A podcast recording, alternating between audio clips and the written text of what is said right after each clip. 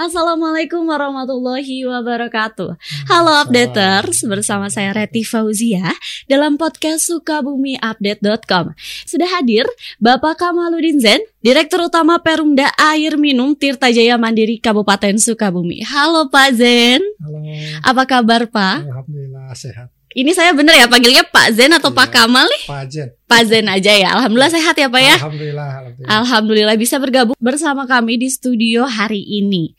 Nah Pak, kali ini kita akan membahas banyak sekali ya, tentunya banyak sekali program yang sudah dilaksanakan oleh Perumda Air Minum Tirta Jaya pada tahun 2022. Tapi kita akan berfokus pada beberapa nih ya Pak ya. Yang pertama mengenai masyarakat berpenghasilan rendah atau MBR. Bisa dijelasin dulu nggak sih Pak sebenarnya apa sih MBR itu? Terima kasih eh, hari ini saya bisa berkunjung ke Sukabumi Update dalam rangka silaturahmi Betul. sekalian eh, evaluasi program 2022 dan rencana 2023 di Perumda Air Minum TJM Kabupaten Sukabumi. Tadi eh, MBR ya. MBR itu singkatan dari masyarakat berpenghasilan rendah. Bukan miskin ya, bukan miskin. Kalau namanya miskin mau di mana bayar air Betul. seperti itu. Jadi masyarakat berpenghasilan rendah. Itu artinya dari MBR tersebut. Mm, artinya adalah masyarakat berpenghasilan Rendah, rendah. Berarti iya. ditujukan untuk masyarakat yang memang mohon maaf penghasilannya rendah gitu ya Pak. ya? Betul, betul. Program seperti apa Pak dari MBR itu tersendiri? Ini program yang diamanatkan oleh pemerintah pusat. Eh, Salah satunya hibah air minum berpenghasilan rendah dari Kementerian PUPR. Oke. Itu diperuntukkan untuk masyarakat berpenghasilan rendah tadi.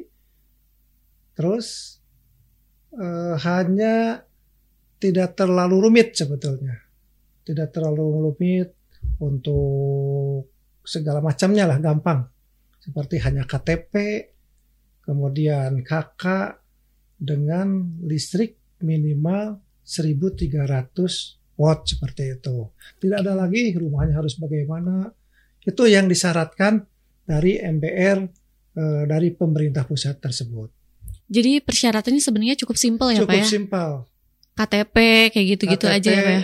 KK dengan eh, listrik, rekening listrik Rekening listrik. Iya. Berarti siapa pun yang punya KTP kakak dan rekening Betul. listriknya memadai bisa. mulai bisa ikut program ini. Mm-mm. Caranya gimana tuh Pak untuk kita bisa daftar? Itu kan eh, ada waktunya, tidak Oke. seperti program reguler ya yang Oke. biasa dilaksanakan oleh Perumda. MBR ini ada waktunya tiap tahun. Kita sudah ikut hampir tujuh tahun dari mulai 2015 sampai terakhir kemarin 2022. Dimulai dari eh, pendaftaran calon pelanggan.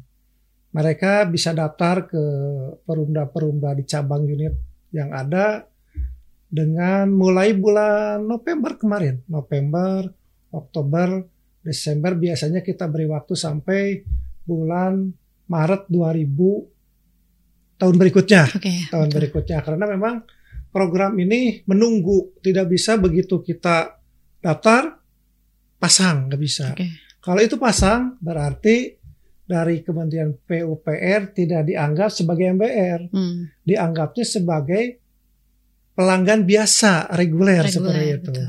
Ini ada waktu dari mulai awal tahun sampai pertengahan seperti itu. Hanya memang menunggu awal kita setelah terkumpul eh, pelanggan namanya, kemudian kita storkan ke pemerintah pusat hasil eh, dari lapangan tersebut. Mhm. Setelah itu datang dari Kementerian PUPR untuk melihat di baseline survei satu-satu ke rumah. Benar nggak? Ininya listriknya. Benar enggak KTP-nya namanya benar enggak setelah itu keluar berita acara baseline survei dari kementerian. Misalnya kita mengajukan 3000 ternyata menurut mereka hanya 2.500 ya berita acaranya keluar 2.500 Oke. setelah itu eh, setelah berita acara ada, kita pasang, kita pasang. Yang 2.500 itu tidak boleh diganti alamat rumah segala macam karena sudah ada eh, GPS-nya tidak bisa diganti seperti lokasi rumah di mana alamatnya di mana KTP-nya di mana itu sudah ada.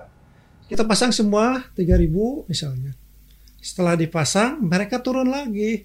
Diverifikasi. Kementerian itu turun lagi menurunkan konsultan verifikasi sama satu-satu ke rumah-rumah sampai berapa biayanya harus sampai airnya mengalir bisa dimanfaatkan oleh masyarakat.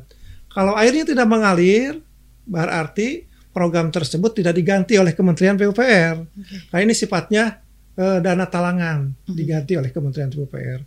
Syaratnya kita ikut juga ada syaratnya. Syaratnya harus ada pernyataan Pemda ikut program tersebut. Kedua ada ideal capacity.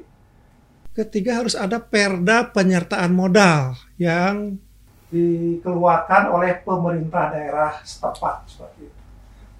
Jadi memang sebenarnya siapa pun bisa daftar ya Pak ya, cuman nantinya akan ada survei dan verifikasi betul, bahkan betul. setelah dipasang pun akan ada pengecekan kembali. Betul seperti itu. Kayak gitu ya Pak ya. ya. Dan ini juga ternyata sudah cukup lama dari tahun 2017 ya Pak ya. 15. Oh 2015. 15, sudah ya. dari tahun 2015 15. berarti kurang lebih sudah tujuh tahun. tahun ya. Sudah tujuh tahun ada.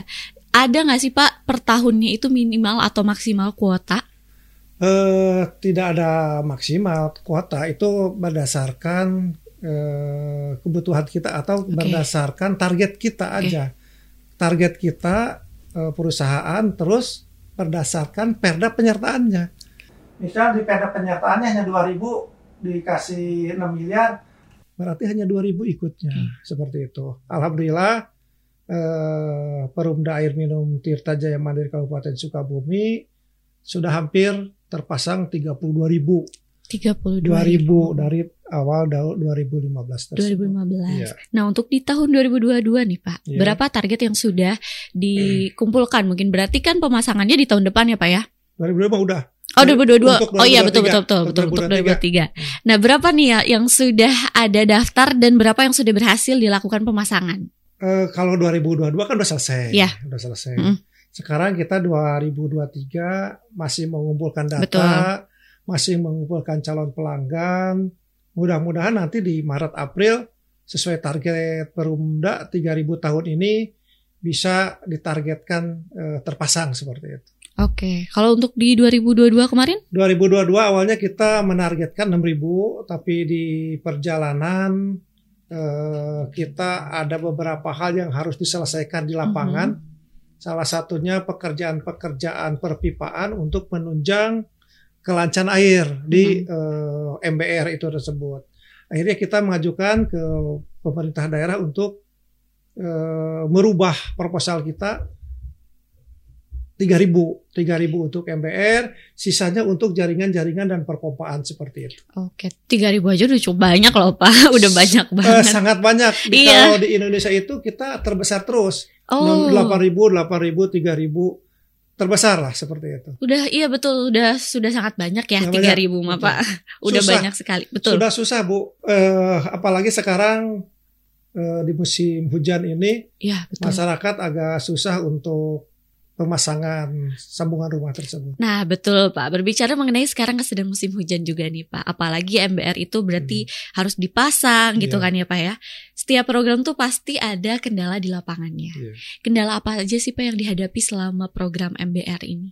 Uh, salah satunya tadi ya mm -mm. Uh, musim cuaca betul. cuaca ya cuaca ini hari ini sudah kita lihat semua lah bagaimana uh, tapi kita tetap berusaha Eh, sesuai target 3000 kita eh, cabang-cabang dan unit kita target untuk di Maret April ini semua bisa sesuai dengan RKAP anggaran yang kita tentukan seperti itu. Insya Allah saya tetap optimis walaupun dengan berdarah-darah di lapangannya seperti itu beda dengan PDAM Perumda-Perumda Karawang, Indramayu, pelanggannya pada datang. Okay. Karena memang air tanahnya jelek. Okay. Mereka asin, uh, airnya jelek, pada datang. Kalau kita tuh harus cari satu persatu ke rumah-rumah, KTP-nya segala macamnya seperti itu. Selain itu kita ada beberapa program juga ya, ada program juga reguler gitu kan. Uh, selain reguler ada program-program lain lah untuk uh, penambahan pelanggan seperti itu. Salah satunya uh, yang selain tadi hujan, kemudian ada program lain seperti reguler, kita juga memberikan gratis sebetulnya ya memberikan itu sudah memberikan gratis pak mm-hmm. mbak memberikan gratis susah mm-hmm. apalagi diambil biaya pemasangannya sejuta dua ratus lima puluh kita gratiskan yang tiga ribu itu kalau dihitung berapa tiga ribu kali tujuh lima puluh seperti itu yang faktor utama sekarang ini adalah cuaca cuaca seperti itu. Berarti tidak dipungut biaya juga ya? Tidak dipungut biaya. Ini gratis untuk pemasangan MBR udah udah sudah tiga tahun lah kita sudah gratis. Tiga, oh, gratis. alhamdulillah. Nah berarti untuk 2023 masih terbuka. Gratis. Pak? Untuk bapak ibu di rumah yang mau daftar 2023 nah, masih bisa ya? Silahkan yang mau daftar eh, daftar saja ke cabang masing-masing. Di situ ada eh, hanya KTP kakak dengan listrik maksimalnya 1300 watt itu. 1300 watt tuh berarti ya. masih boleh nih updaters ya. kalau misalkan mau daftar. Tambah dengan uh, jaminan, jaminan, jaminan. Uh, air dua bulan. Oh, jaminan airnya nah, dua itu bulan. untuk membayar bulan berikutnya. Oke. Okay. Mereka sudah tidak bayar lagi dua bulan, kita bayarkan nanti untuk rekening pertama dan rekening bulan kedua seperti itu. Oke, jadi masih bisa nih updaters. Ayo boleh silahkan datang ke cabang-cabang terdekat ya Pak ya. ya. Siap. Nah itu tadi berbicara mengenai MBR atau masyarakat hmm. berpenghasilan rendah. Salah satunya juga ada lagi nih NUWSP. Program ini tuh program yang katanya merupakan National Urban Water Supply Project ya Pak ya. Program dari Perumda Air Minum TJM juga. Iya. Program seperti apa itu Pak? Itu adalah bantuan dari Bank dunia uh-huh. uh, berbasis kinerja lah berbasis okay. kinerja karena untuk ikut program ini ada beberapa kriteria uh-huh. yang harus kita laksanakan kita penuhi seperti itu salah satunya eh, harus sehat okay. pemudanya harus sehat kedua harus ada eh, dana pendamping dari pemerintah daerah kota atau kabupaten setempat. Ketiga, harus disiapkan izin-izin yang eh, sesuai dengan keinginan dari pemerintah pusat seperti itu. Oke, ini kan tadi seperti yang Bapak bilang ya Pak ya, bantuan dana dari Bank Dunia. Ya. Sebenarnya apa tujuannya Pak dari program ini? Tujuan program ini ada beberapa ya, selain dari pertama berbasis kinerja tadi, uh mhm. -huh. penambahan pelanggan, kedua penambahan jaringan-jaringan, ketiga penambahan produksi okay. seperti itu penambahan produksi dari penambahan produksi itu penambahan jaringan outputnya yaitu penambahan pelanggan seperti itu. Nah kalau bedanya dengan MBR ini apa Pak? Bedanya dengan MBR kemarin NUSP kita hanya menerapkan uh, uang muka 50 persen, okay. 50 persen. Tapi karena itu kejar target, akhirnya kita di bulan Desember ini membuat program NUSP juga sama di gratiskan. Digratiskan, juga. juga per tahun ini. Ah, hanya sebulan ini Desember. Oh, hanya sebulan, sebulan. ini Desember. Tapi banyak alhamdulillah kemarin hampir 400 mm -hmm. sebulan sudah daftar untuk dipasang. Alhamdulillah langsung dipasang. Eh, dengan digratiskan ternyata karena langsung itu mah beda dengan Tuh. MBR. Kalau MBR itu walaupun digratiskan nunggu okay. berapa bulan Tuh. gitu kan. Lama enam bulan baru dipasang kalau NOSW begitu berdaftar langsung kita pasang langsung kita pasang bedanya itu ya pak itu jadi aja. lebih cepat ya nah, karena eh, MBR itu harus menunggu sesuai juklak yang dikeluarkan oleh Kementerian PUPR betul betul itu. jadi harus menunggu dulu menunggu dulu mereka kadang-kadang ah pingin dipasang cepat akhirnya memasang reguler juga pak banyak. iya betul ya pak biasanya ah, nggak sabar, sabar jadi akhirnya reguler banyak yang nggak sabar akhirnya uh, berpindah ke reguler. Berpindah ke reguler. Ya. Karena memang aturan aturan dari sana seperti itu. Saya juga minta ke kementerian aturannya lah kalau kalau memang untuk mempercepat penambahan pelanggan nggak usah nunggu lama seperti itu. Hmm. Kita nggak akan bohong sih itu betul. Adalah pelanggan MBR yang dipasang hari ini eh, mereka menerima air tidak menunggu sampai 4 5 bulan. Betul, betul. Akhirnya kan menjadi masalah juga seperti itu. Oh, karena memang ketidaksabaran itu. Ketidaksabaran. Terus jadi catatan juga dari untuk kuli-kuli tinta kenapa terlalu lama uang sudah Mm-mm. masuk katanya Ya, belum ya, ya, dipasang. ya, ya. Kan jadi sudon seperti itu ya. Betul. Betul padahal memang sudah regulasinya seperti Memang itu ya ya. regulasinya seperti itu. Apalagi memang harus yang namanya dari pusat kan kita memang harus menunggu Iya. gitu, nggak bisa mendahului. Nggak bisa mendahului. Seperti itu. Nah, di catatan kami nih Pak, Perumda setiap tahun ada pelatihan bagi karyawan Iya. dalam meningkatkan kapasitas sumber daya Iya. manusia atau SDM-nya. Bisa dijelaskan nggak sih Pak, tujuannya diajarkan pelatihannya itu sebenarnya seperti apa? Kita kan punya programnya setiap tahun di RKAP kita rencana Hmm. anggaran kita eh, tahun ini harus eh, SDM mengupgrade SDM sekitar 163 misalnya. 163. Nah, tahun ini kita rencana tahun 2022 163 insya Allah eh, sudah tercapai lah 100% seperti itu. Oke. Tahun depan kita juga rencanakan bekerja sama dengan beberapa salah satunya dengan Sukabumi Update, Mhm. Dengan apa eh, perguruan tinggi, kemudian dengan eh, air minum eh, Kementerian PUPR, kemudian juga dengan BPKP banyak lah, Insya Allah di 2023 ya salah satu tujuannya supaya eh, karena kan pegawai itu aset gitu kan Iya betul. aset yang harus kita bimbing bina terus Hmm. supaya ilmu-ilmunya karena ilmu sekarang ini kan terus terus Berkembang. berkembang seperti Hmm. beda dengan zaman saya mungkin zaman sini sudah beda berubah gitu kan kegaget juga anak kecil sekarang sudah bisa seperti Betul, itu betul. kita eh, punya tujuan eh, untuk mengupgrade kemampuan dari para pegawai yang ada seperti itu. Ya, untuk meningkatkan eh, kinerja dan juga pelayanan juga Betul. pastinya Salah satunya ya. pelayanan pasti dari Pasti. SDM itu ke pelayanan, ke pendapatan, ke penerimaan Ya. seperti itu. Karena banyak berhubungan dengan orang lain ya Iya, Pak ya. Betul. Banyak bertemu Hmm. orang lain gitu. Jadi pelayanannya juga harus dioptimalkan gitu.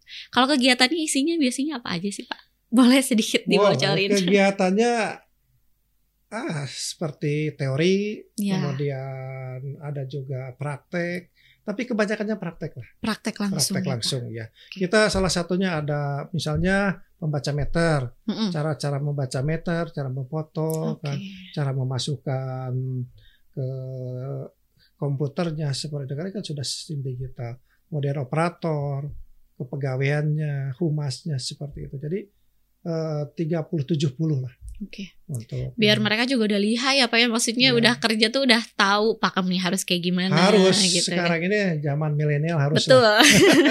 Jangan sampai malah bingung gitu ya Iya. Pak kerjanya kayak Iya, gimana. harus Pertanyaan terakhir nih Pak.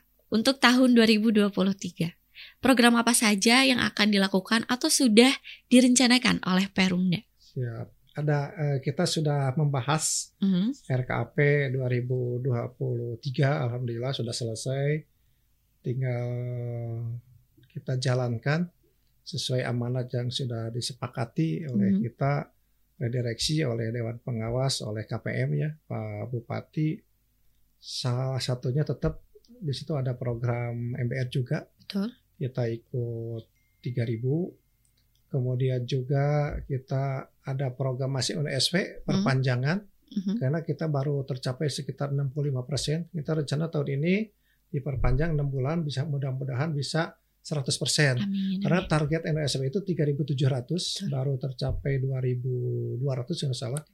Baru tinggal 1.500 lagi mudah-mudahan di 2023 ini bisa tercapai. Selain itu ada target reguler juga. Jadi target di RKAP 2023 itu kita akan memasang sekitar 4.000 pelanggan. 4.000 pelanggan. Seperti Untuk itu. reguler Untuk regulernya hanya 1.000 lah. 1000 oke. 1000 itu 3000, 1000, 3000. Selain itu ada pekerjaan-pekerjaan yang memang untuk meningkatkan salah satunya SDM. Mhm. Di SDM gitu kita merencanakan untuk meningkatkan SDM kita sekitar sama 163 orang. Oke. Jadi terus kita upgrade, kita orang itu sekarang bagian mana, misalnya di operator, di ini di kepegawaian, di humas, kita terus sekolahkan seperti itu. Kemudian selain program-program biasa kita program-program investasi juga Mhm. untuk pelayanan penambahan pipa Oke. eh, untuk penambahan pipa di beberapa cabang dan unit. Insya Allah target utamanya pelayanan Perumda Air Minum TJM Kabupaten Sukabumi 24 jam seperti itu. Hari ini menurut eh, hasil audit BPKP kita baru 23,60 jam. Jadi ada 0, sekian. Iya, iya, iya. Nah, mungkin yang daerah-daerah tertinggi. Tapi eh, saya juga ini himbau kepada masyarakat eh, agar tetap 24 jam menyiapkan toran-toran seperti itu. Oke, Iya. itu dia tadi sebenarnya banyak ya Pak ya yang dilakukan Banyak, Perumda tuh banyak, ternyata insya Allah. program-programnya selain memang program-program unggulan gitu, walaupun programnya sudah terlaksana dari tahun-tahun sebelumnya, tapi pastinya akan terus berinovasi supaya Allah, memperbaiki terus pelayanannya Ya, juga dan dari segi sumber dayanya juga. Terima kasih banyak Pak Zen Sama-sama. sudah datang bersilaturahmi ke Sukabumi Update, sudah ngobrol-ngobrol, semoga sukses terus Amin, untuk amin. Perumda Air Minum Amin. Tirta Jaya Mandiri. Amin. Semoga target-targetnya di 2023 bisa tercapai Amin. bahkan lebih dari target. Amin. Dan kita Amin. juga mengapresiasi sekali kinerja Perumda Air Minum TJM di 2022 ini yang sudah sangat baik. Amin. Itu dia updaters Siap. sesi ngobrol aku sama dengan Pak Zen. Terima kasih banyak sampai ketemu di video selanjutnya.